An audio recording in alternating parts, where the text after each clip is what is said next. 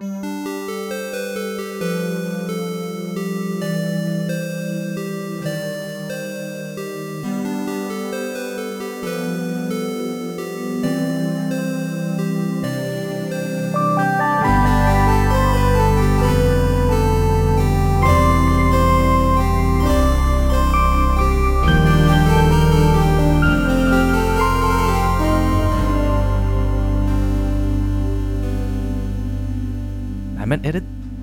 som sitter og hører på podkasten i dag? Nei, men Så kjekt, og velkommen skal du være til Crossover Gaming episode 92. Vi nærmer oss jammen meg et tresifra antall episoder med stormskritt, og det er jo veldig kjekt.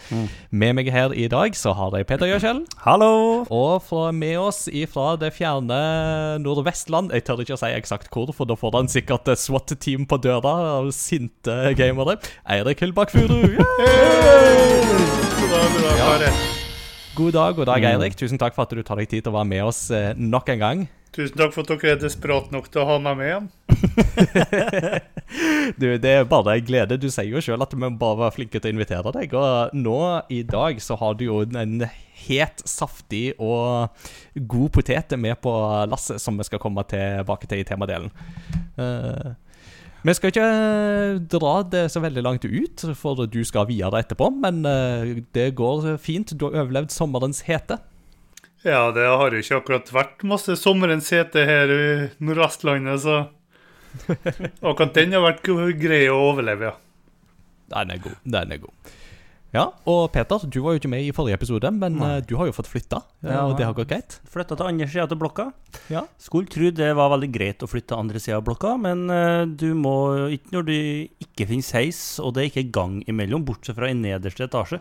Så da ble det tre trapper ned og bortover til andre sida og tre trapper opp. Um, veldig behagelig for å flytte læl, sjøl om det er veldig slitsomt, fordi du tar en ting, og så setter du på nøyaktig samme plass på andre sida. For leiligheta er speila nøyaktig likens. Den er bare større, med ekstra soverom. Så det Ja, digg. Veldig greit. Mm. Det er jo samme planløsninger som jeg hadde før, så jeg vet jo veldig godt hvordan du har det. Ja. Veldig fint. Det, vi har ikke så mye bøker og monter og sånn. Og så ja, oppdaga nå hvor stor leilighet du egentlig hadde. Det var jo nøye opp ned. Alt er mye større når du ikke hoarder ting. Det er liksom det. Ja, ikke sant? Nei, vi har en uh, fullpakka episode med både Gamescom og heite spillnyheter, så la oss bare gå i gang.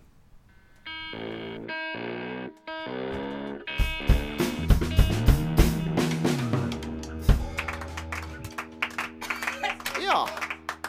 Eh, himmelsk lyd fra ungdommene. Eh, nå er det ukens kunngjøringer.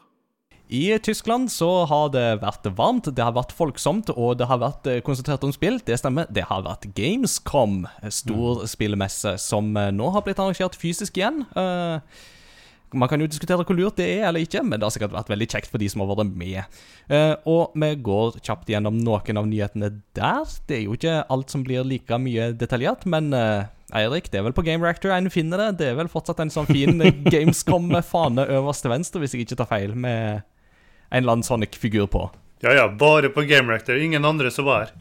Nei, absolutt ingen andre. Vi har kun de eksklusive Vi har helt 100% eksklusivt på alt som har med Gamescom å gjøre, så check a look, folkens. Men vi kan jo begynne med Sonic, siden vi snakket om det. Sonic Frontiers har nå fått eh, dato. Det lanseres 8.11. Det ble vel til og med like litt før det ble presentert på Gamescom. Eh, og um, ja, det, det trailerne så langt ser ut til å inneholde litt mer enn det de har gjort før, så det blir jo litt spennende å se om de klarer å levere, levere på den fronten. Uh, jo, ingen av oss tre som egentlig er veldig sånn utmerka Sonic-fans, tror jeg, uten at jeg skal snakke veldig på dine vegne, Eirik. Men uh, Gotham Nights er vel kanskje litt mer interessant. Ja Vi vil helt klart si det, selv om jeg liksom Jeg jeg er en av dem da som synes at det her virker litt for kalle live service-aktig. Mm.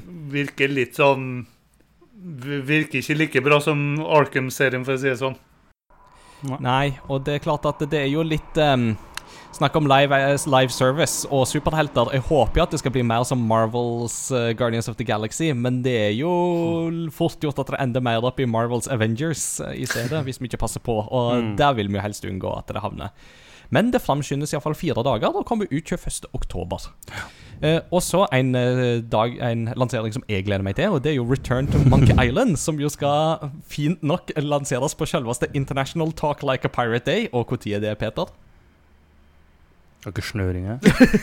Har ikke snøring her. Må jo vite at det er 19. september. Det er jo en viktig dag i året.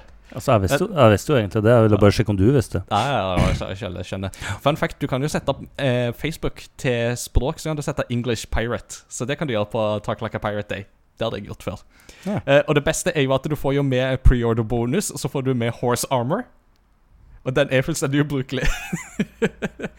Nydelig. Og det er jo da en fint callback til Oblivion, som var vel et av de aller første spillene med en sånn form for eh, DLC-bonus av et eller annet eh, slag. Uh, veldig bra trailer. Sjekk det ut, folkens. Mm. En annen trailer som kan være bra å sjekke ut, er traileren for Dead Island 2, som jo plutselig har kommet tilbake fra de døde. Og det kommer da ut 3.2.2023. Uh, settinga blir jo da uh, LA, eller Hell A, som de Mm. liker å kalle det i dette spillet. Og byr på en temmelig interessant fysikkmotor eh, for eh, der, du, der du ser ganske i detalj når ting blir eh, revet av av kroppsdeler og eh, muskler og sener og lignende. Så ikke for de sarte sjeler, altså. Det er, det er jo helt vanvittig lenge siden den eh, første traileren kom på det. Ja. Det er han som driver han eklingen som driver og jogger nedover, og Totten Mayhem i bakgrunnen der. Ja, og, det er som Goat Simulator 3 ja, parodierte. Goat Simulator. Det, det var, den var jo jeg rakt på. Det, Men ja, De syntes visst at uh, den Goat Simulator-traileren var visst eh, kjempe Det var en sånn fin, fi, fin hyllest til de, da, så de ble Mm. litt ekstra motivert til å jobbe, jobbe på. Så det er jo hyggelig at det kan fungere sånn òg, da. Og så har vi t New Tales from the Borderlands, uh, som jo da kommer fra Gearbox sjøl 21.10, der de bruker Unreal Engine 5. Eh, så Ja, det er jo stemmer. veldig spennende. Det er jo da mm, mer i samme lest som den gamle Tales from the Borderlands, som var et av disse Telltale, Telltale Games-spillene. Eh, Eirik, husker du, har de med seg noen fra Telltale på dette, eller er det mer et sånt inhouse-prosjekt fra Gearbox? Selve eh, prosjektet er innad i Gearbox, men de sier de har, ikke, de har jo faktisk ikke turt å si hvem er, men at det faktisk er noen fra gamle Telltale som hjelper til. Men de, Ja. når de ikke sier noe navn, så høres det ut som sekretæren til animatøren til mora til Jeg tror han er borte der. Han som kokte kaffe, mm, han er Ja. han lager fortsatt rykende god kaffe. ja. Billy Bob. Se bort der. Billy Bob. Yes. Må ikke gjøre narr av Billy Bob. Han, han er en sentral bifigur i uh, Live and Let Die, fant jeg jo nylig ut. Kjær, kjær, den uh, hillbilly-sheriffen i Live and Let Die har jo selvsagt en uh, svoger som heter Billy Bob. Naturligvis. jeg blir ikke mer uh, Louisiana enn det. Blablabla. Blablabla. Det var James Bond-digresjonen. Uh, her crosser vi over til både film og annet medium, rett og er. Noe som faktisk krysser over til film og annet medium, det er jo Dune. Uh, Dune har jo vært en stor lisens det siste året, og Funcom har jo sikra seg den lisensen der. Tidligere så har vi jo sett uh, dette det RTS-spillet som de holder på med, som er ute i Early Access nå. Uh, men på Gamescom så fikk vi se en uh, sånn cinematisk trailer for MMO-et Dune Awakening. Som jo er absolutt en interessant setting å sette et MMO til, så jeg tror jo faktisk at det kan fungere veldig bra. Mm. Men vi får se når gameplay kommer. Og så kommer det jo faktisk en eh, du, ny DualSense-kontroller til PlayStation 5, eller en eh, DualSense Pro, som du kan kalle det, men det heter egentlig DualSense Edge, heter jo den. Og den vil jo da ha forbedringer i det vide og det breie, og muligheter for å justere både her og der, og skal jo da konkurrere litt med Xbox sin Elite-kontroller. Mm. Eh, er det noen av dere som kjenner på et sterkt behov for en sånn kontroller? Eirik, hvordan er det med deg? Jeg har aldri kjøpt en sånn en sjøl. Jeg har fått tilsendt et par stykk. Men jeg er så glad i DualSense at jeg liksom Det frister litt, til og med med NAS, for jeg virkelig, virkelig liker Jeg liker virkelig DualSense-kontrolleren. Mm. Men så aner jeg at denne her kommer til å koste en 1500-1600 sikkert, og da liksom Nja, Det er mye for en kontroller. ja. Ikke sant? Det, ja. Mm, men eh, for de som ønsker det, så er det i alle fall et greit tilbud. Det tenker Jeg. Så det er jo bra. Eh, Lords of the Fallen 2 er jo et uh, spill som uh, kommer. Men det er jo da interessant, for at det får jo nytt navn. Det får navnet The Lords of the Fallen, altså. Så de drar en Suicide Squad, rett og slett. Det med at du hadde Suicide Squad, som var den dårlige, og så har du The Suicide Squad, som er den gode. Hmm. Så kanskje Nei, jeg skal ikke si at Lords of the Fallen var like dårlig som, det, som første Suicide Squad. Det har jeg ikke grunnlag for å si. men snakk om å forvirre folk, i alle fall. Og så har vi Age of Empires 4. Vi har noen fans blant våre lyttere som spiller det, og som har blitt veldig glad i det. Da er det jo verdt å nevne at det får jo faktisk to nye sivilisasjoner nå. Du får det ottomanske riket, og så får du Mali-riket, som kommer til der på et tidspunkt. Så det blir spennende. Ikke sant? Og så helt til slutt for Gamescom, et av spillene som har um, sanka mest oppmerksomhet, er Lies of P. Som blander Soulsborne-formelen med Pinocchio-figuren og Pinocchio-mytosen. Og det er jo interessant, eh, ikke minst med tanke på at vi akkurat nå er i ferd med å få to Pinocchio-filmer. En fra Disney og en fra Netflix. Så Pinocchio er plutselig i vinden, men eh, jeg vet ikke, har det noe med at lisensen nå bare er sånn up for grabs, så alle kan lage ting, eller eh, hva tenker du, Eirik? Ja, jeg er relativt nylig Eller nylig nylig. Relativt nylig i alle fall at det har blitt offentlig eiendom, så det er nok det, ja. Mm. Allas uh, Life of P og bare sånn Å ja, er ikke det en film? Ja. uh, så det Ja, det kan jo hende. At, men altså, du har jo allerede et Mm. spill der du skal overleve på en båt ute på sjøen med dyr, og det heter Spiritfarer. Så dere kan spille det. Mye bedre enn Life of Pi. Mm. Selv om den filmen faktisk var god i 3D. Det vil jeg påstå. Det var en Ja. av de filmene som var sånn Bli bedre i 3D. mm. Det var en av de, og Gravity var en annen. Ja. Uh, CGI-en er ganske on point. og, uh, Tron, ja, og Tron Legacy var også faktisk en film som brukte 3D på en kul måte. Ja, For der er du 2D i real life, og så er du 3D når du er i Tron-verdenen. Det var veldig kult. Ja. Så det var det fra Gamescom som jeg hadde nå. Jeg har sikkert glemt uh, noe. Eh, Eirik, har du noe du vil slenge inn fra Gamescom, eller eh, vil du snakke om PlayStation 5 sin nye pris i stedet? Nei, Vi kan vel gå over, for det kommer noen flere nyheter nå, til nå neste uke og litt sånn òg. Ja, Så kan det jeg spare godbitene til da. Nice. Det høres ut som du vet noe som vi ikke nødvendigvis vet, eh, så det er jo alltid Dere vet nå litt. Du har jo Ubisoft skal jo vise frem Assassin's Creed neste helg. Og så Ja. skal de vise frem Avatar, og så har du jo Disney sin egen showcase Mm. samme dagen som Assassin's Creed skal vises frem. Stemmer. Da får vi jo se hva Uncharted-skaper Amy Hennig holdt på å lage. Ja! Stemmer. Det var det, ja. Det, plutselig så ble Disney Day eh, vesentlig mer interessant. ja. Det er jo bare å glede seg. Artig. Eh, vi kan jo snakke litt om eh, PlayStation 5 sin nye pris. Uh, for um, interessant nok, etter nesten to år på markedet, så skrus prisen på PlayStation 5 opp. Mm. Uh, og blir rundt omkring 50 pund, 50 euro dyrere. Interessant nok, USA der er det ikke noe prisøkning. eh, men de fleste andre territorier, Japan, Europa, Canada, eh, der går rett og slett prisen opp. Og årsaken skyldes jo da inflasjonen som herjer på de fleste markeder akkurat nå. Produksjonskostnadene er høyere, og ja, alt er rett og slett dyrere, og det gjenspeiles òg i produksjonen. Mm. Interessant nok Altså, Det har vært litt sånn diskusjon rundt dette her, men jeg kan ikke komme på veldig mange andre tilfeller der dette har skjedd. Eh, stort sett så går jo prisen heller ned eh, etter et par år. Men eh, Eirik, har du tenkt noe mer på dette her, om det har skjedd noe tilsvarende i, i spillhistorien? Som jeg skrev i kommentarfeltet til en på GameWriter, liksom det eneste jeg kommer på i farta, er Canada Eller Canada? Hei, Canada. I PlayStation 4, når deres flotte valuta dessverre ikke gjorde det så bra de måtte øke prisen.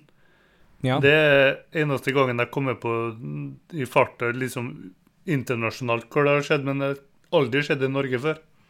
Nei. Nei. Utenom da Interessant. MetaQuest og sånn to, men nå snakker vi konsoller. Mm, ikke sant. Ja, for MetaQuest 2 er jo et litt sånn interessant for, altså har jo vært en sånn interessant forutspeiling nesten for tingenes tilstand, sånn sett. Og det, og det sier jo litt òg dette her om hvor kraftige komponentene i PlayStation 5 faktisk er, ikke sant? Og at det, strengt tatt så produserer de det jo til eh, Altså, det å få så mye innmat som du får til den prisen, er egentlig ganske imponerende. Eh, men interessant nok òg, så har jo både Microsoft og Nintendo sagt at vi skal ikke skru opp prisen. Så Mm. Men det har jo kanskje litt òg med Sonys økonomiske tilstand å gjøre. Altså, det er- Hadde det jo ikke vært for spillsatsinga til Sony, så hadde jo Sony gått med underskudd. Så Mm. det har noe med det. Men skal det komme nye versjoner av eh, PlayStation 5 òg. Skulle da- Var ikke det? Nei, altså, det er Som var kosta Den skulle koste mindre og være enklere å bygge, koste mindre og være lettere. Ja, da er det veldig det spekulative markedet, tror jeg. Jeg vet at det er også på en- tech- .no, Det, stemmer, men det, det er sånn klassisk sånn mange som har misforstått det. Det er litt Sony, Nintendo, Microsoft har alltid hatt sånn at de begynner å gjøre om på konsollene sine med litt billigere komponenter og litt sånn. Det er, ikke, det er ikke noe som de kommer til å fremheve noe særlig. Men blant annet i Australia nå så har det kommet en ny PlayStation 4 som er 300 gram lettere eller noe med litt billigere komponenter og sånn. Men det er ikke sånn Mm. sånn liksom Si 'å, ny kraftigere' Nei, og sånn. Men det er jo helt rett godt observert at det kommer en ny en, ja. Hvor det bare er modellnummeret som er litt grann annerledes. Stemmer. Ikke sant. Så, Så ja, men nei. Mm. so what you said was true from a certain point of view. Mm. Eh, er det noen av dere som har prøvd dere på eh, noe, eh, Crypt of the Necrodancer eller Cadence of Hyrule? Nei. Nei, det kan jeg anbefale. Det er kjempegøye spill. Eh, særlig Cadence of Hyrule var veldig veldig gøy. eh, der du jo må bevege deg rundt og slåss i takt med musikken. Eh, Ja, stemmer. ja, og Cadence of Hyrule kombinerte jo det da med Zelda-formelen. Nå skal det komme et nytt spill i den serien som heter Rift of the Necrodancer. Og da er det mer snakk om eh, sånn Guitar Hero, Rocksmith-aktig klone, der du skal få sånn der gitarspek... eh, Sånn plekt... Ikke plekter, men uh, Hva heter det, da? Sånn gitarspor bortover som du skal spille etter. Så Eirik, sign me up. Når det kommer, så er det bare å sette meg på jobben. Will do. Yeah. Og så har vi jo eh, norske nyheter òg, for en gangs skyld. Det er jo ikke så ofte. Men eh, Tesla Grad 2 eh, har vi begynt å se litt av, og det kommer jo da til våren 2023. Det er jo Bergen Studio Rain Games som lager det, hvis jeg ikke husker feil. Eh, hvordan er det med deg? Har du prøvd det norske spillet Tesla Grad, Peter? Hæ? Nei. Sorry, jeg var ute og holdt på å dø av sola, så jeg måtte bare få litt skygge. Nå oppdaterer Nå, nå, nå ble det bra her. Ja. Det norske spillet Tesla Grad fra nei. Nei, det har du ikke testa. Nei. Men uh, da har du ikke, tid er ikke Tesla, det.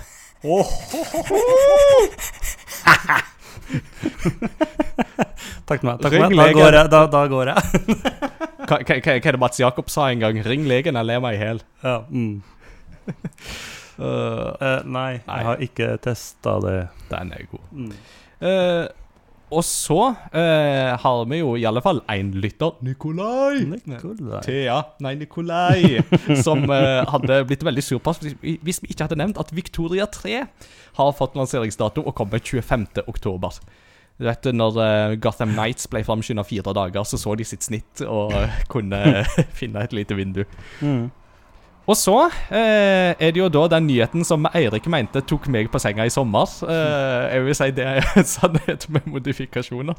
Eh, men eh, The Wind Waker og Twilight Princess, to elska spill på, i Zelda-serien, som eh, fikk HD-versjoner på Wii U. Nå ryktes det at eh, om et par ukers tid så annonseres de til Nintendo Switch.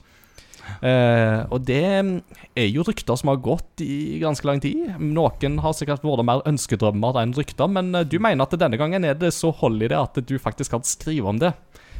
Og ja Jeff Var det Jeff Grubb? Nei? Jo. Yep. Så any, any, uh, Anything to add? Nei, det er bare forvent en direct jo alltid som Nintendo, om det blir en mini eller noe sånt, da.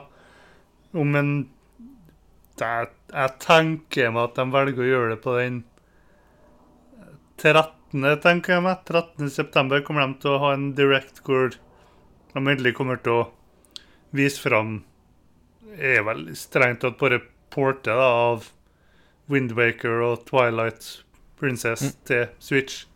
Men uansett så tenker jeg meg at det er nok for veldig mange fans, med mindre det er en nytt eksempel på at Nintendo er i overkant lat. Mm. Jeg eh, har jo mm, Jeg har en eh, neste generasjon med spillere som jo ikke har Wii U, men de er jo veldig glad i Switch, hele gjengen. Og jeg er veldig klar for å introdusere særlig Windwaker til den generasjonen, men òg Twilight Princess, så jeg har jo veldig sterke ønsker om at dette skjer. Eh, om det så bare er på en måte en direkte port ifra Wii U-versjonene, så holder det egentlig, for det var relativt gode porter, det, altså.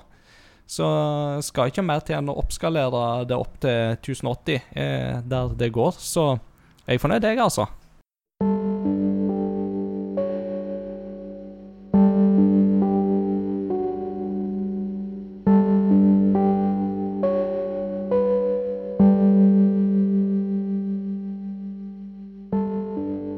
The Last of Us fra 2013 er et av tidenes mest kritikerroste, elska og hylla spill. Eh, det er et spill som har eh, stått seg gjennom eh, både en kontroversiell oppfølger, som i alle fall alle vi tre her har likt veldig, veldig godt, og nå er det òg på vei til å bli en TV-serie på HBO, som kommer til neste år, med Mandalorian Pedro Pascal i hovedrollen. Men for å varme litt opp til det, så er det faktisk nå kommet eh, Det første spillet er nå kommet i en remake til PlayStation 5. Og det har nå fått The Last, navnet The Last of Us Part 1. Og Eirik, nå har du fått skrevet om det på Game Reactor. Og nå, nå eh, kan du få uttrykt alt du sitter inne med av følelser. Uh, talk to me, buddy. Talk to me, goose. Så, Nei, hvor, ja. Så hvordan har det vært å gå tilbake til part one? Og da særlig etter å ha spilt part two? det har vært veldig interessant, for jeg har vel ikke spilt første spillet på sikkert en fem år, tenker jeg. Og da var det interessant å nå gå tilbake til det med så å si grafikken fra part two, og se litt flere nyanser, se litt flere sammenhenger. Litt sånn. Så det var en utrolig fin opplevelse. Både jeg tror, tror jeg vil være en fin opplevelse for nye spillere òg. Mm. Du, du sier at du ikke har spilt det på sånn rundt fem års tid, men altså, jeg regner jo med at du i alle fall har spilt PlayStation 3-versjonen, men spilte du PS4-versjonen òg i sin tid? Jepp. Platinum på begge. Ja, så, så ikke noe tvil om eh, dedikasjonen der, eh, rett og slett. Så eh, hvordan står PlayStation 5-versjonen seg sammenligna med de to foregående versjonene på PlayStation 3 og PlayStation 4, i den grad du kan på en måte huske hvordan de, de var? Jeg vet ikke om du har børsta støv av en gammel PlayStation 3 for å spille det nå, sammenligna med PlayStation 5-versjonen. Jeg gjorde det, for det var sannhet med modifikasjoner at jeg sa at jeg ikke har spilt det på fem år før i forberedelse til å på ta så ville jeg se litt før. Jeg tror alle vi har vært i den fella og spiller så sånn ut på den tida, liksom. Det er ikke store oppgraderinger. Jeg tror at selv om jeg ikke ville ha spilt PS3-utgaven og PS4-utgaven, så er dette en oppgradering som er ekstremt tydelig uansett hva, altså. Mm. Det kan være oppgraderinger som kanskje vanlige spillere ikke vil legge merke til før de ser noen sammenligninger. Så er oppgraderinga så er ekstremt tydelig at liksom, du vet at det her er ikke fra 2013. Hva vil du si er på en måte um, de største endringene nå som har blitt gjort i, i part one? Uh, er, er, det, er det sånn å forstå at part two-mekanikker nå på en måte har glidd litt over i part one for å s- strømlinjeforme opplevelsen mer mellom de to, eller eh, hvordan vil du analysere det? Det er vel noe av det som jeg tror har delt oss anmeldere mest, at det er ganske få mekanikker som har tatt turen over til part one. For rent gameplay-messig så er spillet nesten identisk utenom at fiender og partnere er smartere, de beveger seg smartere. De springer ikke åpenbart når du prøver å snike og litt sånn. Mens gameplay-messig utenom det, så er mer at animasjonene er litt mer flytende, de ser bedre ut, og at enkelte detaljer, som f.eks. at du ser om, om du tråkker på et teppe som er litt rufsete, at det liksom enten jevner seg ut eller skrukkes opp, eller litt sånn, noe som ikke var mulig på den tida. Mm. Mens utenom det så er, er det stort sett likt, men litt som jeg skriver i anmeldelsen, at jeg synes det er greit at liksom Joel ikke er like smidig som Ellie fra Part 2, hvor han kan kaste seg gjennom lufta og krype langs bakken og sånn, særlig liksom når omgivelsene ikke er skapt for det heller i Part 1, for liksom rent designmessig så er omgivelsene så å si akkurat like. De har ikke f.eks. tilført en bil som er litt høyt over bakken, slik at du kan krype under den, eller noe sånt. Og da ser jeg ikke, litt, da ser jeg ikke poenget med å liksom gi Joel mulighetene til å hoppe når han vil, og krype og litt sånn. Så, sånn sett så er det nok mange som vil bli skuffa, men de får det er litt finpussing av gameplay som er med tanke på intelligensen og litt bedre kontroller med tanke på skyting og litt sånn, synes jeg er god nok uansett til å rettferdiggjøre kjøpet, selv om hovedsaken er det, det visuelle og lyden. Ja, ja, for la oss snakke litt om det. Eh, sånn visuelt sett, så nå var jo The Last of Us, da det kom ut på PlayStation 3, så ble jo det hylla for å være en ekstremt realistisk look på det. Men eh, hvordan eh, føler du det står seg nå på PlayStation 5? Er det en merkbar oppdatering, vil du si? Eh, sånn rent visuelt sett? Den er ikke bare merkbar, den er ekstrem. Ja. Liksom Jeg vet ikke om dere kanskje husker fra part 1, men liksom bare når for når først starter så Joe lik den karantenelagte byen og skal gjennom det checkpointet der, Mm. så har du den vakta som ser ut som en voksfigur med noe sånn merkelig lys og sånn i ansiktet. Liksom Her ser du at det er en ekte person. Du merker litt rynkene i ansiktet på personen, skjeggvekst, hver lille nyanse i ansiktet til folk, og lyssettinga generelt i spillet har blitt mye bedre, slik at det virker mer ekte. Du ser litt hva karakterene tenker, eller Unnskyld, så er det inngår som jeg sier, figurene, personene, tenker. Med bare bevege små nyanser, øynene, rynker i ansiktet litt sånn, f.eks. uten å røpe det, siden det sikkert er noen som vil spille for første gang nå.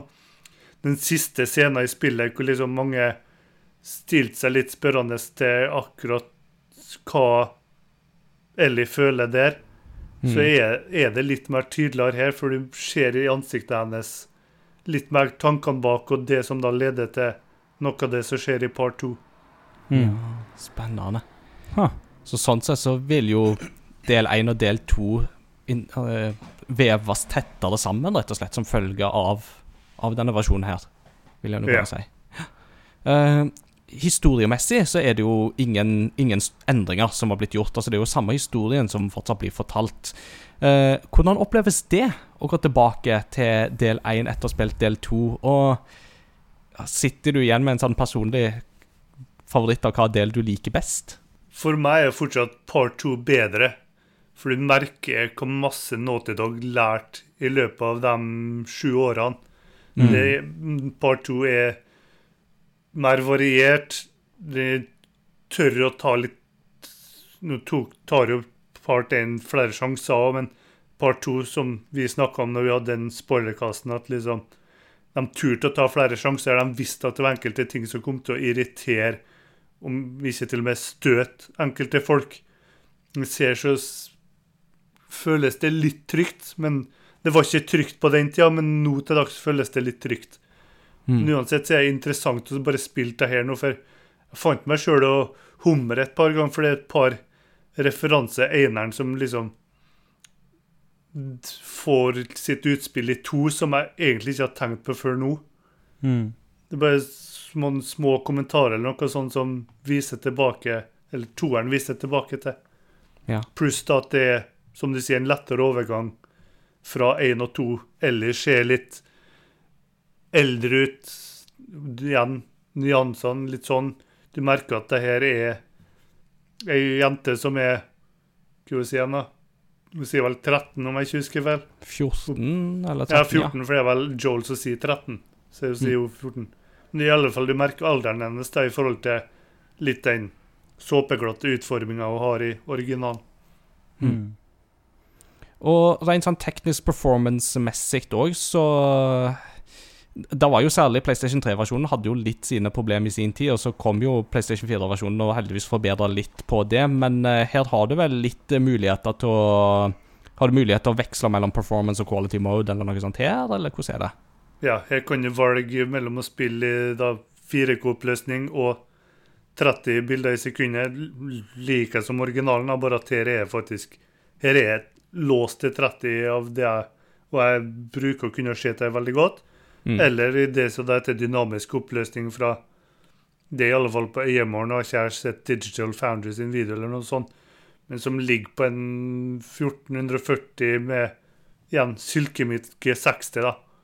Mm. Så for oss nå idioter som plutselig har begynt å legge merke til at liksom buhu, jeg kan ikke spille i mindre enn 60, så har du det alternativet, mens de som heller har lyst på å virkelig se hvor mye visuelt bedre det er med tanke på piksler og sånn, kan spille og nyte i 4K. Om de har Mm. riktig skjerm og for den saks skyld. Ja, Ikke fordel. Mm.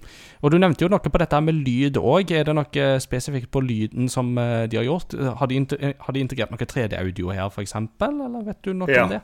det det jeg vil si er den største oppgraderinga her, for jeg poengterer i anmeldelsen at liksom mm, originale spillet så følte jeg litt som at det var i samme periode som tidligere nevnte Arkham-spillene. At du av og til kanskje tilbrakte litt masse tid i den listening mode, om det var på de vanskelighetsgradene under grounded og sånn. Og liksom, Det ødela litt av stemninga, for da blir verden fargeløs, litt sånn. Men ser så tok det tror jeg hadde kommet fem timer ut i spillet før jeg liksom innså at oi, har jo listening mode. For frem til da så hadde jeg blitt vant til at liksom lyden er så god og tredimensjonal at jeg hørte akkurat hvor lydene kom ifra når det skjedde noe. Så i stedet for å måtte bruke listening mode til å finne ut hvor en clicker var, om, uansett om det var over meg, sida, under, eller noe sånt, så hørte jeg i headsetet. Jeg slapp liksom å bruke den og heller virkelig fortsette å leve meg inn i spillet. Mm. Mm. Spennende. Det, det er ikke verst. Mm, Kult. Det, det er jo litt sånn apropos, jeg var jo, hadde forelesning med klassen din i dag, Peter, og da snakket vi om dette med bruken av lyd. ikke Mm. sant? Så det er jo et godt eksempel på hvor- hvor- hvorfor det har en rolle å, å spille, da. Og så mm, har jeg jo òg skjønt at uh, denne versjonen her kom jo Altså, en ting som jo The Last of Us Part 2 var veldig, veldig god på, var jo alle accessibility-moduser. Og der har de vel òg gjort en hel del her med denne utgaven. Ja, det synes det er så utrolig bra det både for alle Microsoft du har gjort, men særlig Naughty Dog har gjort det siste, for part 1 kommer med alt som er alle innstillingene som er i part 2, pluss at de nå f.eks. har stemme, stemmer over filmatiske sekvenser som beskriver hva som skjer på en veldig fin måte, og et par andre ting som lytterne deres kan få finne ut sjøl, for det er veldig masse der til forskjellige personer som jeg kanskje ikke klarer å engang liksom tenke meg nytten av, men som jeg liksom nesten forstår hvilken type spillere eller personer det kan hjelpe. Mm. Mm. Og jeg tenker at det er jo faktisk kjempenyttig. Jeg har jo jeg har jo ei kone som liker veldig godt å ha på sånn uh, descriptions uh, når hun ser på film og sånt, uh, bare når hun sitter og jobber og sånt, uh, fordi at det gjør det lettere å liksom lese nyanser i det som skjer. Og det, for det er ikke alltid det er så lett for alle sammen. Så det, en trenger jo altså Accessibility gjør jo opplevelsen bedre for veldig, veldig mange. Så det er jo veldig viktig. Eh, en ting som jo har vært eh, kanskje det største diskusjonsmomentet i forkant av denne lanseringa, har jo vært eh, liksom prisantydninga her. PlayStation 5-spill er jo som kjent ikke billige, og i alle fall hvis du kun har en digital utgave. Da må du vel nesten opp igjen 850 kroner for å få dette spillet her. Og normal Altså, jeg er jo av det prinsippet at det normalt sett så skal ikke pris være utslagsgivende for en anmeldelse. Eh, men det er klart at i en diskusjon som dette her som vi sitter med nå, så, så kan vi jo diskutere det momentet likevel. Eh, vil du si at det er nok her til å forsvare prisen for eh, de som har spilt det før? Det spørs rett og slett hvor stor fan du er. For jeg er jo, jeg er jo typen som hater å nevne pris når jeg deler mine tanker om spill, for det er så veldig individuelt. Og så gjør du jo anmeldelsen din, eller meningene dine, gammeldags bare i løpet av et par måneder når prisen senkes. Mm. Men jeg vil da si at Så lenge du ikke har irritert deg noe særlig, eller stilt noe særlig spørsmålstegn da, ved prislappen på 799 kroner, så synes jeg at det er uten tvil er verdt pengene. For den visuelle oppdateringa og bare igjen da de ekstra detaljene det følger, som følger med, muligheten til å spille da pga. accessibility-valgene, litt ekstra bonusmateriale som er interessant for oss som er virkelig nerds av eh, hvordan utvikling faktisk skjer. Slikere ting rettferdiggjør summen. De som har vært litt mer spørrende til prislappen og sånn, eller som ikke er så særlig glad i The Last of Us, kan vente det er på tilbud, rett og slett. For når vi har et spill som Resident Evil 2, Final Fantasy 7 Remake og sånt som virkelig har heva standarden for hva som er en remake, sammenligna med hva som i hovedsak er en presentasjonsmessig oppgradering, så er ikke de 799 kronene verdt det, med mindre du virkelig brenner for noe til spillet og har lyst til å se eller vise fram hva PlayStation 5 kan få til, selv om det er tydelig at de Naughty Dog brukte mindre tid på å ta enn hva Part 2, for på enkelte plasser ser fortsatt Part 2 bedre ut, selv om det er et PlayStation 4-spill. Ja, interessant. Ja, Peter. The Last of Us uh, Part 1 lever fortsatt i beste velgående. Det er det. Eh, Frister det? Uh, jo, det er faktisk det. Altså, jeg er jo ikke glad i zombiespill eller serier eller noe sånt der. Det er jeg, den um, oh. Den serien som var så svær. The Walking Dead. Ja, jeg så to episoder, hadde mareritt, droppa det. Så, det, så zombier har jeg liksom aldri hatt noe til overs. Uh, Last of Us, det er jo unntaket. Eller ett av få unntak. Så det er jo et, Jeg har jo fryktelig lyst til å ta opp igjen. Og kost meg jo eh, gjennom både eneren og toeren. Det skal sies at det tok litt tid med eneren. Mm. Eh, Jeg måtte passere en god fire-fem timer før jeg liksom klarte å virkelig begynne å nyte det spillet. Eh, Fram til da så øh, syns jeg det var ganske piss, ja. For jeg, det, det Åh. Men det, det Og så etter, etter jeg kom over den kneika, så gikk det jo rett opp.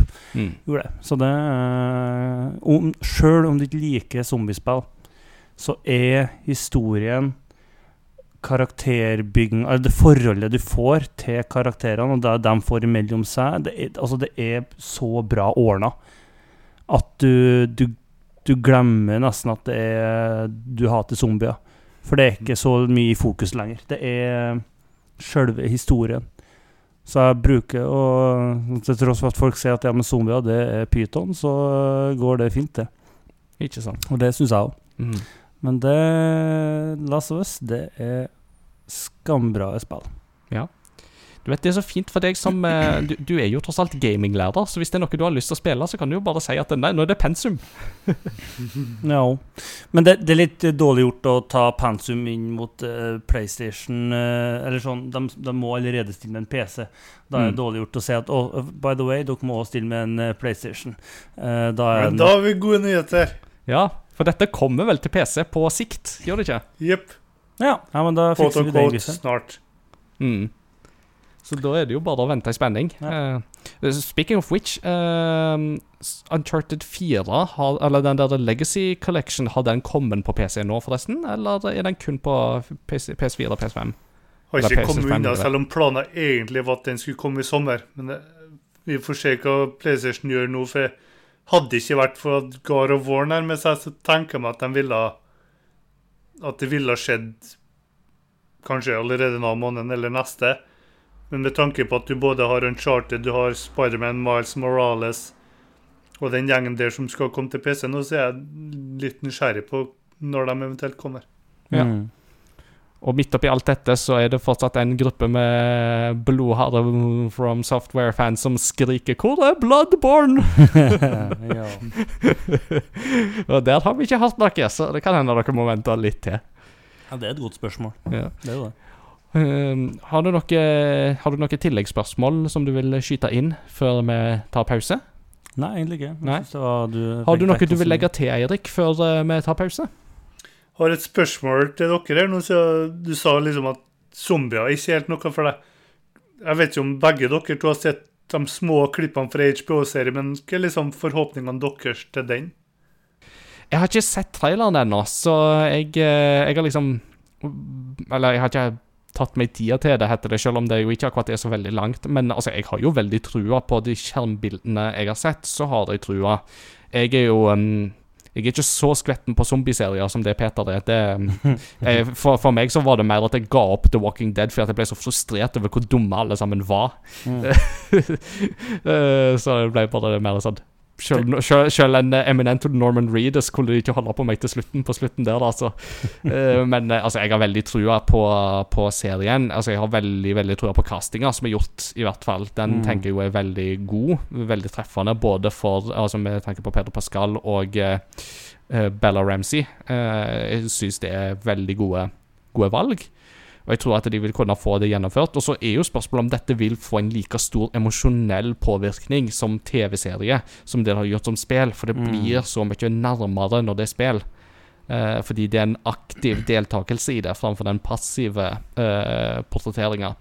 Men samtidig så er jeg veldig glad for at HBO-serien kommer, for jeg har jo både venner og familie som jeg tror ville elske denne historien, men som aldri tar i en PlayStation-kontroll. Enten fordi at de ikke gamer i det hele tatt, eller fordi de ikke har plattformen, eller ja, ymse grunner. Og jeg tenker at dette her, det er, en, dette er et univers og en historie som jeg vil unne flest mulig å ta del i. Nå begynner det å bli noen, en, ganske mange år siden jeg har prøvd meg på den serien. da, Det skal sies. Eh, det, men nå har jeg, jeg har jo et mye større forhold til det her. Eh, så jeg har jo trua på det, og jeg syns jo det ser Det ser veldig bra ut. Um, og ja. Så jeg skal nok Jeg skal se serien, og jeg er ganske sikker på at jeg skal klare å kose meg med den òg. Jeg gjør det. Så det, jeg har sett episoder av The Walking Dead etterpå, og det, det, det gikk fint. Men jeg er enig, de er jo helt utrolig dumme. Oh. Jeg, jeg, jeg, tror det liksom Nå spoiler jo litt The Walking Dead her, men jeg tror det toppa seg for meg i en sesongstart der uh, de skal etter han Negan, er det ikke han heter? Uh, han med balltreet. Og det er liksom bare sånn her Å, han kommer til å gå til krig mot oss, så vi må liksom dra alle sammen bort dit og se om vi kan stoppe denne her krigen. Og så står fyren der i sånn fem minutter og har en sånn lang tale om Aha, jeg er så kul, dere er så dumme. Og så er det jo ingen som kommer på at Å, han står så lagelig til for. Jeg kunne jo bare skutt han nå og så forhindre hele den krigen. Nei, det er det ingen som kommer på. Altså, jeg, er en, jeg, er en, pasifist i virkeligheten, men Eller ikke pasifist, pasifist. Jeg er en relativt rolig syndikar og vil tro på diplomatiske løsninger, men akkurat der så satt jeg og bare Ja, men skyt! Uh, da, og da kjente jeg Da ble det litt sånn, ja. Og det er grenser for hvor mange coral jeg kan høre i løpet av en sesong før jeg blir lei. Mm. Så nei. Men uh, det var moro så lenge det varte. Uh, det var det. Husk at jeg piner meg gjennom Ja, det var til og med sesongen før det. Så pina meg gjennom den. Men liksom, jeg slutta cold turkey liksom når det var siste episode av en eller annen sesong hvor det var mennesker som hadde på seg zombiehud foran ansiktet og sånn. og de helt plutselig liksom bare drepte en av de mest populære karakterene pga. da dumme avgjørelser igjen. Da var jeg sånn Nei, OK, ferdig. Faen. Har ikke sett det siden. Da, liksom, da, var jeg knockout litt liksom, til og med min vane og liksom lyst til å fullføre noe. Hadde tatt meg gjennom sikkert tre-fire sesonger allerede. Mm. Da var jeg Nei, ferdig. ferdig. Ja. Men, uh, men uh, Walking Dead uh, Telltale-spillet, derimot, det, det, kan vi anbefale. Det, det, det må absolutt alle oppleve. Alle sesonger, til og med. Alle sesonger, ja. Mm. ja men altså, jeg er, jeg er, fan av alle fire, fire eh, sesongene der, faktisk. Jeg eh, syns at uh, noen av de har fått litt ufortjent tyn, men jeg syns at de er gode alle sammen. Så absolutt anbefalt. Nydelig. Da tar vi en uh, liten pause, og så er vi straks tilbake. Og da skal vi høre litt om hva lytterne tenker å ta for seg til denne spillhøsten.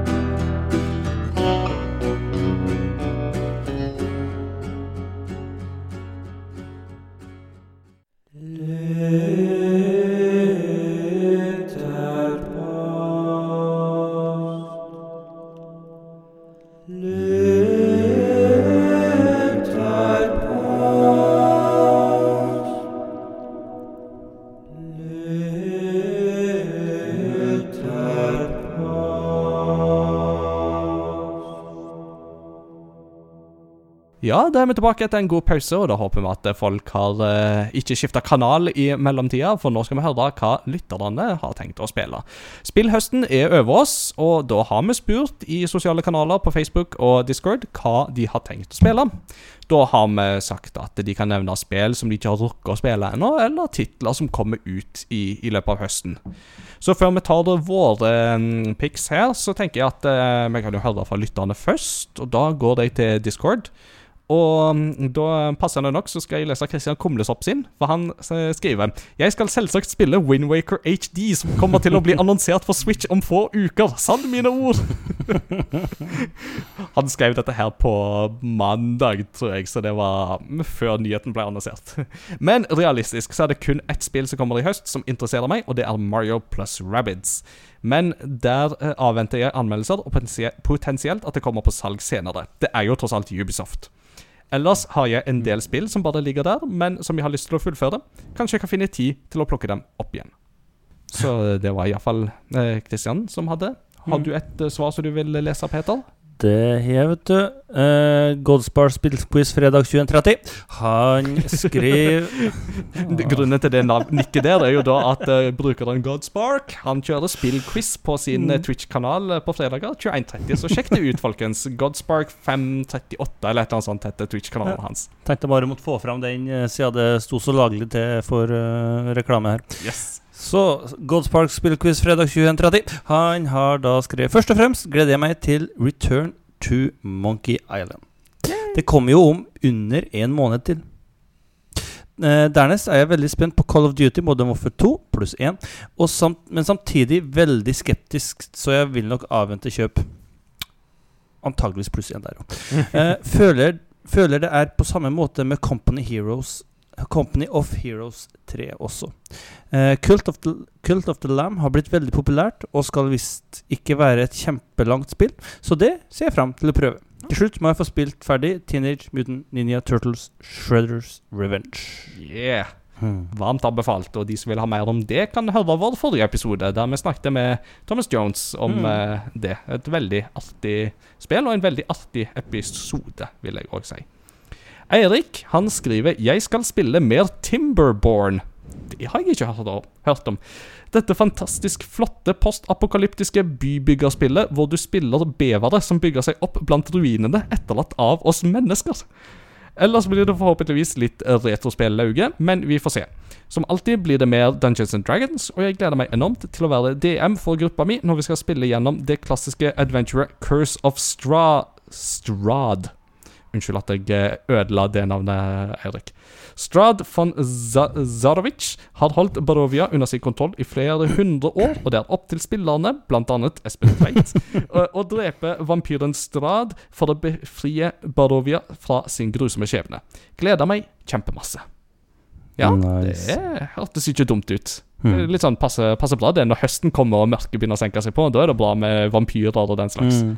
Det hører med, det. Mm. Anders Lønning, han skriver Fem ord. Ba, jo, ne, tst, A3.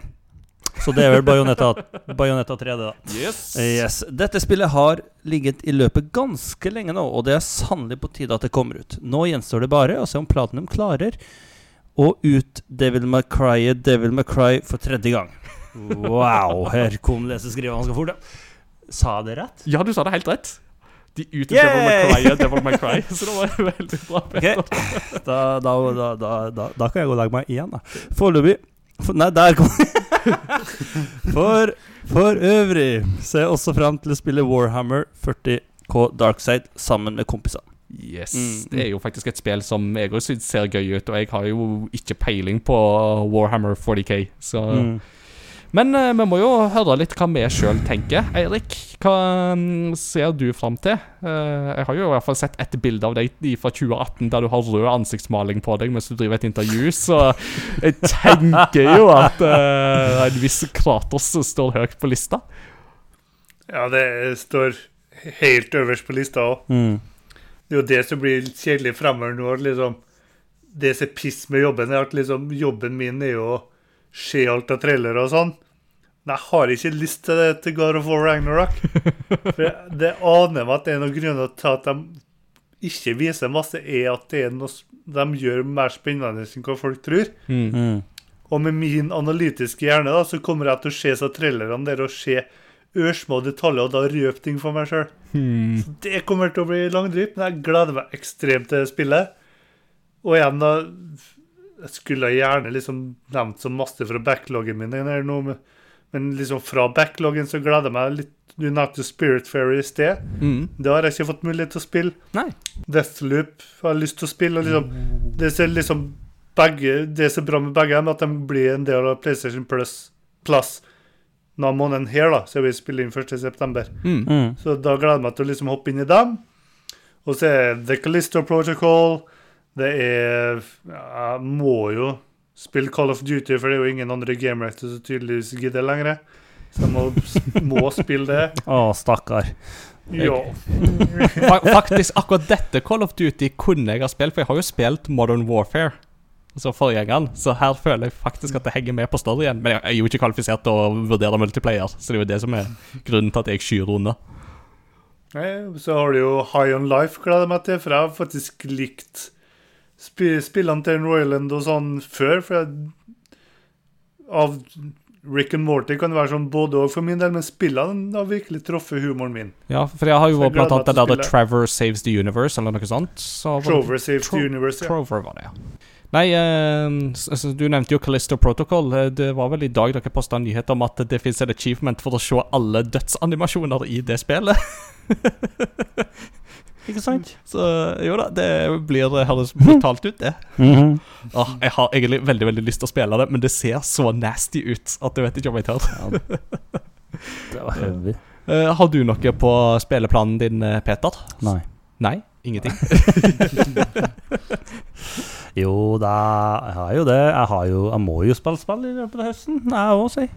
Så det er synd på meg. Nei, det eh, Altså, God of War er nok et av de spillene som er høyest opp på lista mi òg, som eh, Et spill hvor fallhøyden er fryktelig stor, for det altså først Det forrige God of War var jo helt vanvittig bra. Eh, men jeg har jo også trua på at de får det til. Eh, og det ser jo skamrått ut. Og håper at de videreutvikler mye av um, ja, kampsystemet og gameplay og sånt som de hadde fra forrige. Uh, ellers så har jeg litt spill som skal ta igjen. Uh, Elden Ring har jeg jo fortsatt ikke spilt. Nei. Uh, og det åh, ja, har så Vi får, vi får Ja. samkjøre det. Ja, at eh, det. du og meg får begynne samtidig, så får vi ha konkurranse om hvem som Jeg har ikke Jeg er farmer. Du driver og du Jeg har ikke sjans til å henge med deg. Det er jeg fortsatt på første område når du er ferdig, så det er ikke noe vits i. Uh, ja, Call of Duty har vært nevnt. Uh, Stray det har jeg fortsatt ikke spilt. Uh, det fikk det er på jeg har, jeg har det klart på PlayStation, så det håper jeg å komme i gang med nå ganske snart. Uh, og uh, Overs 2 Ja. er jeg så spent på. Ja. Uh, og gleder meg veldig. Det er jo et av spillene hvor jeg sikkert har flest timer, selv om det har blitt mye mindre uh, det siste året. Men jeg er veldig klar for å teste opp uh, oppfølgeren, skal vi si. Eh, og i hvert fall når det liksom begynner å få historiene til karakterer og sånt. Så det er jeg fryktelig spent på. Gleder meg noe vanvittig til. Mm. Eh, spent på hvordan de uh, gjør det. Det blir gøy med Junker Queen. Ja. Det er, jeg har jo sittet og sett litt på e-sport, eh, hvor hun blir brukt, og den øksa hennes er nasty. Så det er Hun har jo òg beste låta da, av alle Mm. Overwatch-figurer. Ja. Hun har jo eh, Ellers så skal er det noen spill. Uh, Far Cry 5 skal jo spille med klassen, mm. uh, som er et knakende godt spill. Eh, skal ødelegge eh, Only You for nok en klasse den høsten her. Eh, det er helt fantastisk, eh, den psykologiske krigføringa de bruker i det spillet her. Og det at du kan spille sammen, er jo magisk. Eh, Gri skal vi jo spille, Ja. som òg et kapittel for seg sjøl. mm. Um, dere som kjenner til podkasten her, kjenner òg til hva vi syns om Gri. Ja. Og hvis du Ja, spill det, ass. Få det spilt. Ja, fytti katta. Det, det er tre-fire timer av dine beste Det er de fire ti beste timene du har i år, kanskje. Det, så det And you will never be the same. Nei. Nei. Uh, og siste som har kommet på i farti, er Journey. Som òg skal spilles med klassen. Ja. Som òg er et vakkert og helt nydelig spill. Mm. Det var jo godt at jeg brukte det som eksempel i dag, da. Mm. Så jeg, var- jeg var bare redd for at du avslørte for mye. Nei, nei, nei. Eh, for det deiligste der er når du kaster elevene ut i Journey og ikke sier noe som helst. Nei. Eh, for du er ikke vant til å spille et spill hvor det ingenting blir sagt. Du må på en måte lete deg fram sjøl, og historien som er der, som er en vanvittig interessant historie Du må på en måte Du må lete, rett og slett, og følge med på hva som faktisk skjer på skjermen. Mm. Eh, som gjør det til et utrolig kult spill. Ikke sant. Ja. Da har jeg jo gitt de noen pekepinn etter timen jeg hadde i dag. Eh, Mm. Men bare holdt på å si ut ifra åpningsscenen. Så, men da har jeg jo gitt de noen analytiske ting de kan ta utgangspunkt i. Så det er gøy. Nei, Sjøl så vil jeg jo stille meg bak nesten alt som har blitt eh, sagt av eh, titler eh, fra de fleste. Jeg må innrømme at Eirik sitt eh, bever postapokalyptiske bybyggerspill, det vet jeg ikke helt om jeg kommer til å henge med på, men sånn bortsett fra det, så Overwatch 2 er jo et av de som jeg gleder meg mest til. God of War, absolutt. Hogwarts Legacy har jo blitt utsatt, så det må jeg jo vente med. Men det er to store spill som jeg ikke har begynt på ennå, som jeg absolutt må få begynt på før året er omme. Og det er Elden Ring, og det er Xenoblade Chronicles 3. Jeg har ikke rukket å begynne på noen av de ennå. Uh, og Xenoblade er jeg ganske sikker på kommer til å falle i smak, uh, ut ifra det jeg har sett og hørt. Uh, skal visstnok ikke være like cringe som det Xenoblade Chronicles 2 var, uh, og det sier jeg takk og lov til. Eh, og Elden Ring er jo bare sånn Jeg kan ikke sette meg ned når vi skal kåre Game of the Year uten å ha spilt El Elden Ring. Det, Det er kan, liksom det, da. jeg kan ikke garantere at jeg, at jeg kommer gjennom det, men jeg skal i alle fall spille det. Det er, det er jo i så fall episode of shame, hvis vi ikke har fått gjort det. Ja.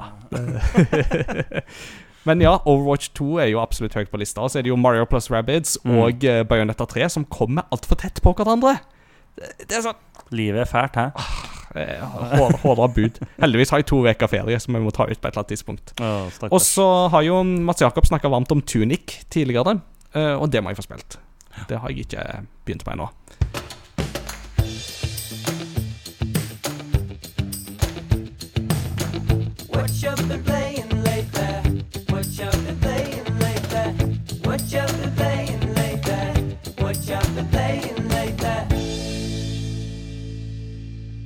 So far om hva vi skal spille, men hva har vi spilt? Eh, Eirik, det har ikke bare blitt The Last of Us Part 1, har det det?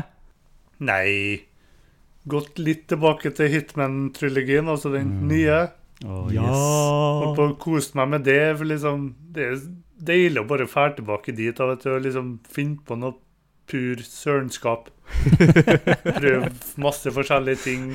Flir av dumme dialoger og litt sånn, og bare slappe av med det Mm. i ny og ne. Bare folk la kreativiteten utfolde seg og sånn. Det, det er jo alltids et eller annet i de oppdragene du ikke har gjort før, så du kan alltids prøve deg på noe nytt. Mm. Og de har jo lagt til et par ekstra kapittel eller noe sånt òg, har de ikke det? Har tilført en ny øy og litt sånn, ja. Ja. Ja. Gratis, til og med, så. Danmark, altså. Danmark leverer. ja. Får nå bare håpe liksom Snakke om James Bond i sted. Gleder meg til det ekstra etter å ha spilt Hitman nå. Mhm. Det er match made in heaven, det der, altså. Det er, Hitman er sykt. Det, det er så rått. For det, altså Variasjonen på hvordan du går fram på hver eneste level, er jo helt vanvittig. Det Tidlig anbefaling gå på YouTube og se på folk som virkelig har nerda det spillet. Mhm. Det er helt absurd hva folk får til. Én er variasjon hvordan du får det til. Andre er altså det å liksom fullføre baner på type 15 sekunder. Det er jo noen som får til. Åh, Villeste. Mm. Og så er det jo den der tørre humoren til Agent 47, da. Mm. Uh, How is it going, captain? Everything is on rails, som han sier mens de kjører tog. Å, jeg elsker det. Det er sånn min type humor. Mm. Men ja, Eirik. Eh, sorry, carry on. Nei, det er egentlig bare det, for liksom Når jeg får en jobb og anmelder et spill, uansett om jeg spilte det før, så er jeg å spille gjennom det i alle fall en to ganger og litt sånn, så liksom Siste par ukene så har det egentlig bare vært det. Så jeg er bare spent på hva dere holder på Ja. Og så spilte du jo Stray i sommer og anmeldte det òg, så det kan jo være verdt å nevne. Okay. Så. Eh, Peter, du var jo ikke her forrige episode, så du har jo litt å ta igjen uh, på Ja. hva som har blitt spilt. Um, før du får slippe til, så kan jeg bare nevne kjapt. Jeg har spilt litt videre Megaman Legacy Collection 2 på Switch. Uh, litt sånn på T-banen. Ble ferdig med Megaman 7. Det er fortsatt et spill jeg syns er hardt å gå tilbake til. Det er sånn som jeg snakket om sist gang, det er litt sånn The Bastard Child of Megaman. Uh, Mm. Litt sånn De hadde serien på Nes, og så begynte de på Megaman X-serien på Snes, og så gikk de tilbake til å lage et Megaman-spill på Snes, og det Jeg føler ikke helt at det funker. Megaman 8 er litt mer interessant, for det var jo til PlayStation 1 og Sega Saturn. Um, Litt sånn uvant fargepalett og noen veldig rare bosser, men jeg liker det sånn helhetlig bedre, bortsett fra et horribelt stemmeskuespill. Oh, nei. Uh, det, det, jeg, jeg tror jo det er noen som har hatt sånne memes med han Dr. Light fra Megaman, hvordan han snakker i disse her animerte sekvensene. Megaman! Uh, så, så, så, sånn talefeil og whatnot. Så det er kapittel for seg sjøl. Og så er det jo Two Point Campus. Det snakket jeg jo litt om forrige uke. Det har jeg kost meg med videre. Det spillet er som dop for meg, altså. Er jeg har aldri tatt med meg jobben hjem i løpet av mine år som eh, studieadministrator. Nå, nå sitter jeg jo og gjør ikke annet enn å prøve å få høyeste akkrediteringsstatus på alle institusjonene. Så Ikke sant? ja. Mm. Du, da? Ja. Det har vært sommer for meg, òg. jeg har fått gama litt. Men Mm. eh, ikke så mye. Det har vært en, eh, det har vært en travel sommer. Ja, Dere var jo i Nord-Sverige og 14 dager Nord-Sverige, og det var GF, NLM sin generalforsamling, og det var en del reising. Så det var, min sommer var jo hovedsakelig at vi kom hjem, vi pakka, vi sov, og så reiste vi videre. Uh, men jeg fikk uh, Jeg hadde noen dager innimellom. eh, så vi hadde VR, jeg hadde med meg VR-brillene de fleste plassene, så da ble det jo litt Beat Saber. Ja. Og så fikk jeg testet Superhot eh, nå. Super. Altså, det er så kjekt. Det er Det er skamkjekt. Eh, det å liksom å planlegge hver bane i hvordan du skal bevege deg eh, Ja, for dere som ikke vet det, Superhot er jo at du Så lenge du står i ro, så er verden rundt deg òg i ro. Eh, men hvis du beveger på deg, så vil òg eh, fiendene rundt deg og skudd som blir avfyrt og ja, alt det der, det vil òg bevege seg. Eh, og derfor så er du i utgangspunktet i kikkesituasjoner som du må komme deg ut av, og da planlegge bevegelsen du skal gjøre. Hvordan få tak i det våpenet du trenger. Eh, hvordan skal du bevege deg for å ikke bli truffet? Eh, og eliminere fiendene eh, før de da eliminerer deg. Det er en slags sånn John Wick-simulator i slow-mo. Det er det. Eh, og så hørte jeg rykte om Det var en som påstod at du kan se det gameplayet ditt etterpå i vanlig hastighet, som får deg til å se me- megabadass ut. Eh, men det hadde Det har gått hus forbi, så det, det, det må jeg jo få sjekka ut. Eirik, vil du Eh. forklare hvordan han gjør det? Uh, ja, finner finne raskt innstillingene. Ja. Slipp å bruke tid på lytterne deres på det. Takk for det. Da vet vi det.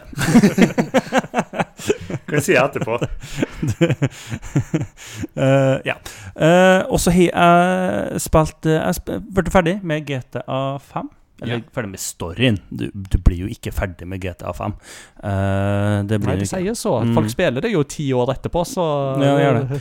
Eh, som jeg syns var en meget fornøyelig opplevelse. Uh, det er utrolig artig spill, er det jo. Og de er Endelig så kunne jeg jo liksom få forståelse for hvorfor folk, som du sier, spiller ti år etterpå. Eh, fortsatt ikke testa online-delen ennå, men det satser vi på å ordne seg. Eh, med tida har et par som har sagt at de er med på det, så da skal vi være litt mer kriminelle, vet du, for det er jo festlig. Kult. Det, mm. eh, og siste prosjektet som jeg hadde, det var Wolfenstein Youngblood. Oh, ja. Uh, ja. Jeg har jo um, Jeg har jo spilt de eh, to forrige, skal vi si. Uh, Colossus og New um, Order. Order. Og, syns, og de to er jo helt fantastisk. Spesielt toeren Mm. der. New Colossus er er amazing. Altså, eh, for et spill. Det er, det er så gladvold. Ja. at det er helt vanvittig. Det går som en Og, dans. ja, det går som en heftig dans, og, og, og koser meg gløgg i hjel med de spillene der. Uh, Youngblood syns jeg òg er kanongode spill. De holder fortsatt på mye av den de viktige delene av Wolfenstein. Samtidig som eh, det er ikke like bra Nei. som i hvert fall ikke som Colossus. Nei. Eh, syns ikke main bad guyen eh, Uten at jeg skal si for mye om det, for det er en ganske stor eh, det, Da begynner vi å spoile litt. Er, det er ikke like bra gjennomført. Hun Hva, hva heter hun dama, Ingar? I uh, Kolossus Frau Engel Hun er jo bare helt insane. fortsatt en av tidenes uh, ja. beste spillskurker. Altså, det, du må spille spillet bare for å oppleve hun. Ja. Et av de sykeste kvinnfolka du kommer til å komme over noen gang. Og altså, altså, det snakkes jo ofte om Altså Når man snakker om The Last of Us, det snakkes jo ofte om det gode stemmeskuespillet til Mm. både Troy Baker og Mm. Ashley Birch i, i det spillet der. Men altså, hun som er voice actor til Flau Engel og i Wolfenstein, fytti grisen, altså. Mm. For en jobb hun gjør. Ja. Og hun, det, det, det mest interessante der er jo det at hun har jo jødisk avstamning sjøl. Og det, å si at det å skulle gå og gjøre en rolle som Frau Engel har liksom, det, det var liksom det, det gikk liksom kaldt nedover henne sjøl, med tanke på hvor, liksom, hvor forferdelig dette denne nazistoffiseren er, liksom. Men samtidig så var det noe med på en måte hvor viktig det var å faktisk gjøre den jobben òg. Mm. Men det var det er, Men altså, det, den eh, Hele den verden der er jo Syns jeg jo kjempeartig og kjempeinteressant. Hvordan de har tatt så mange paralleller til den verden vi har. eh, med egen varianter av store, kjente, klassiske sanger som de har oversatt til forskjellige språk. Og vær så god, snakk om Beatles, tipper. Ja, for kan vi bare, kan vi bare snakke om hvor fantastisk de der 80-tallssangene i Wolfenstein Youngblood er?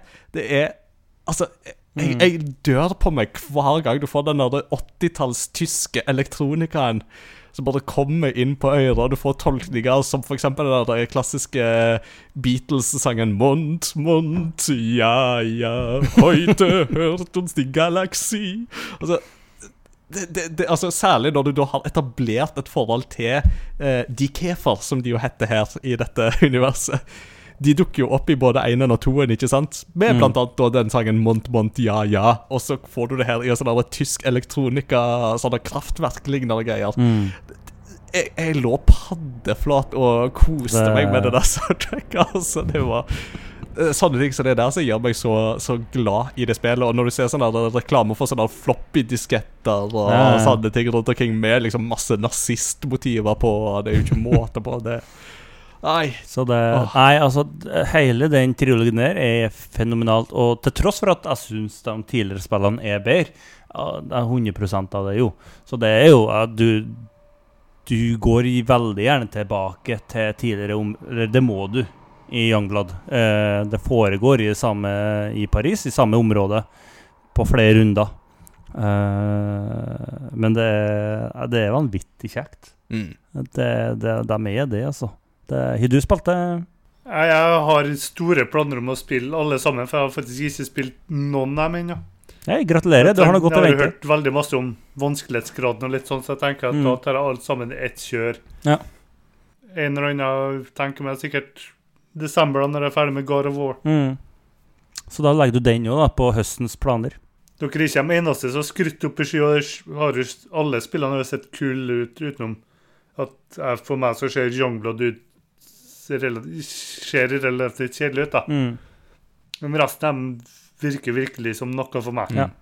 Jeg tror trikset med Youngblood er jo det at det er jo lagt opp for to spillere. Og jeg tror Mm, at det definitivt det- at hvis du får med deg en til å spille sammen, så tror jeg at det hever opplevelsen betraktelig. Det skal jeg ikke se bort ifra. Eh, men så, sånn, det er sånne småting her og der som jeg syns jeg koser meg med. Men fordelen min tror jeg nok òg er at det er noen år siden jeg har spilt uh, New Colossus. Eh, så du vil nok kjenne enda mer, du, hvis du spiller alle tre i én. uh, ja, rett etter hverandre. Uh, men hele verden er fortsatt eh, vanvittig kjekk. Så det Det blir veldig gøy når de folka der skal lage et eh, Indiana Jones-spill. mm. Det Oh blir blir veldig artig.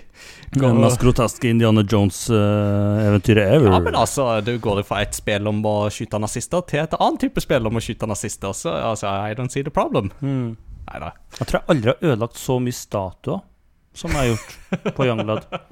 For statuer av Hitler er overalt, og du kan ødelegge dem. Yay!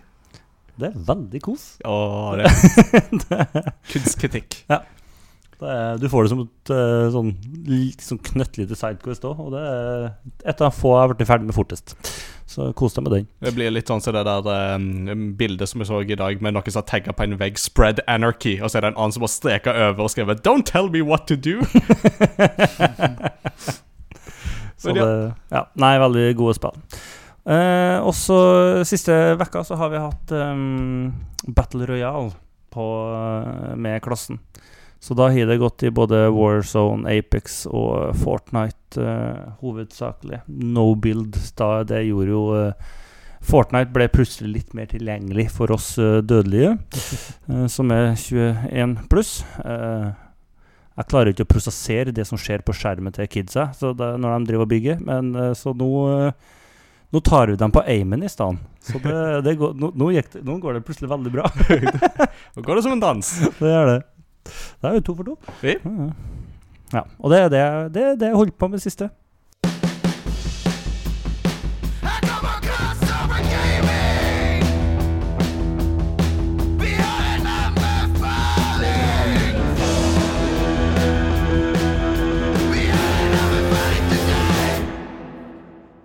Vi er kommet til våre avsluttende spalter, og da er det først anbefaling. Deretter er det kuriositet og postludium. Og normalt så vil vi jo gjerne spille dette her til gjesten hvis gjesten har noe. Men eh, hvis du ikke har tenkt på noe, Eirik, så har Peter sagt at han har noe på lur. Eh, men jeg vil gjerne spille ballen til deg først. Og hva har du eh, lyst til å anbefale? Eh, jeg vil Jeg jeg virkelig blitt hekta på Fringe, HBO-serien for, for flere år siden. Ja. Som jeg plutselig slutta en gang på sesong tre, men så starta jeg på nytt igjen nå. Og nå har jeg gått gjennom tre sesonger på sikkert litt over ei uke eller noe sånt, for nå har jeg blitt hekta igjen. Hæ. Så jeg vil jo anbefale folk å se det, for det er faktisk en god serie, altså. Ja. Fringe. Rett og slett. Eh, og er det noe annet du, du eventuelt vil supplere deg med? Rett og slett liker jo Lost og litt sånn serier med mystikk i seg som leker med forskjellige univers og sånn, så er dette virkelig noe. Mm. Og selvsagt, like and subscribe Game Reactor. Yeah. Mm, Det er sånn eh. Of course. Always. Uh, du har jo òg skrevet en uh, relativt uh, positiv anmeldelse av eh, filmen Prey på Game Reactor. Og den vil jeg jo stille meg bak, for jeg så jo den og syns jo den var overraskende bra. Den var meget, eh, et meget godt uh, return to form for en filmserie som var nesten kjørt i grøfta etter The Predator uh, i uh, 2018, som er hadde den vært litt dårligere, så hadde den vært så dårlig at den hadde vært bra. Men uh, dessverre er den ikke så dårlig. Så Ah, var hun bare dårlig. Ja, så so Men Prey er kjempebra. Det får det sett, altså. For dette en Hebereke pachinko-kontroller til Super Nintendo. It's curiosity. What are you gonna show to me? It's curiosity. What a neat thing to know. It's curiosity. What are you gonna show to me? I haven't even heard of it. What a neat thing to know. It's a great the show. Igjen, Eirik, jeg har lyst til å uh, høre med deg først. Har du et eller annet kuriøst uh, som du har lyst til å komme med, eller så vil du spille ballen til Peter? Nå skal han Peter få lov, da. OK, Ja. Peter. eh, du snakket om at du hadde en kuriositet på lager, så take it away. Og det, det, den her har jeg venta med siden Når jeg opp slutten av mai. Eh, Endelig Jeg har hatt det som en fane på mobilen siden da, for jeg er redd for å miste Men det var en ting jeg syns var utrolig fascinerende. Det, dagens kuriositet det er noe som heter caracorder. Caracorder, eh, ja Et eller annet i en du, den duren der. Og det er det merkeligste tastaturet som jeg har vært borti. Det er et tastatur som er på en måte to eh, halvrunde kuler. eh, med en stang imellom. Og på, oppå der så er det fullt av små joysticker. De joystickene bruker du, og du lager kombinasjoner for å skrive setninger. What? Det er by far den mest effektive måten å skrive ting på PC-en på. Når folk Altså, dem- du kan skrive like fort som man snakker, ved at du bruker de joystickene til å eh, forme forskjellige setninger. Hæ. Sjekk ut det på YouTube. Det er helt vilt. Caracorder. Caracorder. Det er C-H-A-R-A. Corder, C-H-O-R-D-R. Caracorder 1, står det her.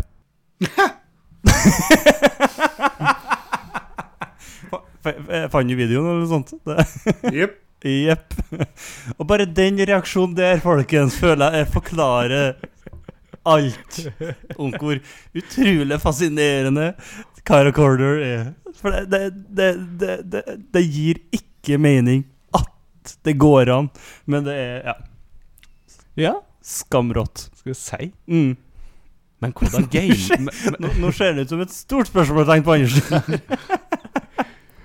men det jeg jo lurer mest på her, det er hvordan gamer du på et sånt tastatur? Det Da tror jeg nok du skal Altså, det er jo fullt av joysticks. Hvorfor ikke? Ja, det kan jo hende. Det You never know. mm. Ja. Så det Fascinerende. Nå ser jeg at han driver og kikker på det, og dette, her, det, dette her er jo sånn som tilsier at vi burde jo egentlig hatt uh, Twitch-streamer av opptakene, sånn at folk kunne sett denne reaksjonen. Men Ja. uh, nei da. Jeg vil liksom, for, folk strever med å liksom huske forskjellige bokstaver sånn er på et vanlig tastatur. Mhm. Så har du liksom det her. mm. Det må jo nesten testes for å skjønnes, tror jeg. Det, Det går så fort òg, når de først eh, setter i gang og eh, skriver. Så jeg kan prøve å huske på å legge ut en link når den eh, episoden kommer ut, mm, sånn at uh, folk kan få finne det fort. For det er helt absurd. Høres bra ut. Vi er kommet til veis ende i eh, dag, eh, og eh, som vanlig Postludium, det skal vi ha. Og Eirik, du har valgt Astrobot før, så du kan ikke ta Astrobot igjen, men oh, uh, det er så mange sanger. Ja, men altså, det, det, det, altså du, du kan ta noe fra Astrobot, men du kan ikke ta selve I am Astrobot. Den, den kan du ikke, for den har du hatt før. Men uh, jeg vet ikke, er det noe annet postludium som du kunne tenke deg å avslutte ballet med? Skal jeg være så kjedelig enn å si bare The Last of Us sin hovedtema? Ja, men altså, det passer jo veldig godt, det, med Hva er den heter da? Uh, Det, eller så finner dere de beste sangene fra Wolfenstein. ja, uh, men altså, jeg tenker at det er noe fra Gustavo Santalala er helt nydelig å avslutte mm, episoden med, altså. Det er ingen tvil om det. Altså, episoden har jo tittelen The Last of Us Part 1. eh, Crossover Gaming episode 92. Så hvorfor ikke avslutte med noe eminent derifra, tenker jeg. Nei, men Det høres bra ut. Da kjører vi et hovedtema fra The Last of Us Part 1 der, fra Gustavo Santalala. Eirik, tusen eh, takk for at du er med som vanlig. Det er en eh, fryd og glede. Tusen takk for at jeg fikk være med igjen. Men før du avslutter, Ingar, jeg må spørre siden du nevnte i starten nå. Ja.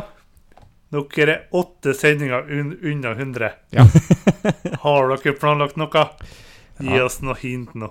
Ja, det Jeg kan ikke avsløre altfor mye, men jeg kan avsløre såpass at eh, hvis eh, kjøreplanen for høsten er kalkulert riktig, så rekker vi akkurat ikke episode 100 på denne sida av nyttår. eh, Så det blir først over nyttår. Men det gjør det jo desto lettere å få med både mm, hummer og kanari med på ting når de ikke er opptatt med juleavslutninger og eh, julespill med klassen på skolen, eller julebord, eller eh, jeg vet ikke hva Alle slags ting som har jule i seg nå for tida. Folk skal gjøre eh, jule både det ene og det andre. Stakkars, eh, stakkars nissen blir Ja. rundhjult. Det. Ja, vi har, vi har planla Vi har snakka litt om det, og så eh, no, n- Noe vil, vil nok skje. Se hva som skjer. Litt kjekt å ha litt liten overraskelse òg, ikke Ja da, det er det. Nei da. Vi, vi er ennå i tenkeboksen, men noe må vi jo absolutt få til. Det skal iallfall ikke gå upå, upåakta hen. Det skal det ikke. Så. Men ja, eh, du må videre, og vi òg må videre, så jeg tenker at eh, vi sier takk for oss. Til alle dere som hører på, så vil vi bare si takk for at dere hører på. Husk å dele nyheten om oss til alle venner, kjente og kjære, og fiendene dine òg. Kanskje noen av de vil begynne å høre på og synes at du ikke var så gale likevel, og bli venn med deg i stedet. Det hadde jo vært veldig, veldig koselig. Eh, link, lenker til både Facebook og Discord og hele pakka finner du på crossovergaming.no, og podkasten hører du overalt der podder kastes. Vi snakkes ved neste korsvei. Ha det bra! Ha det!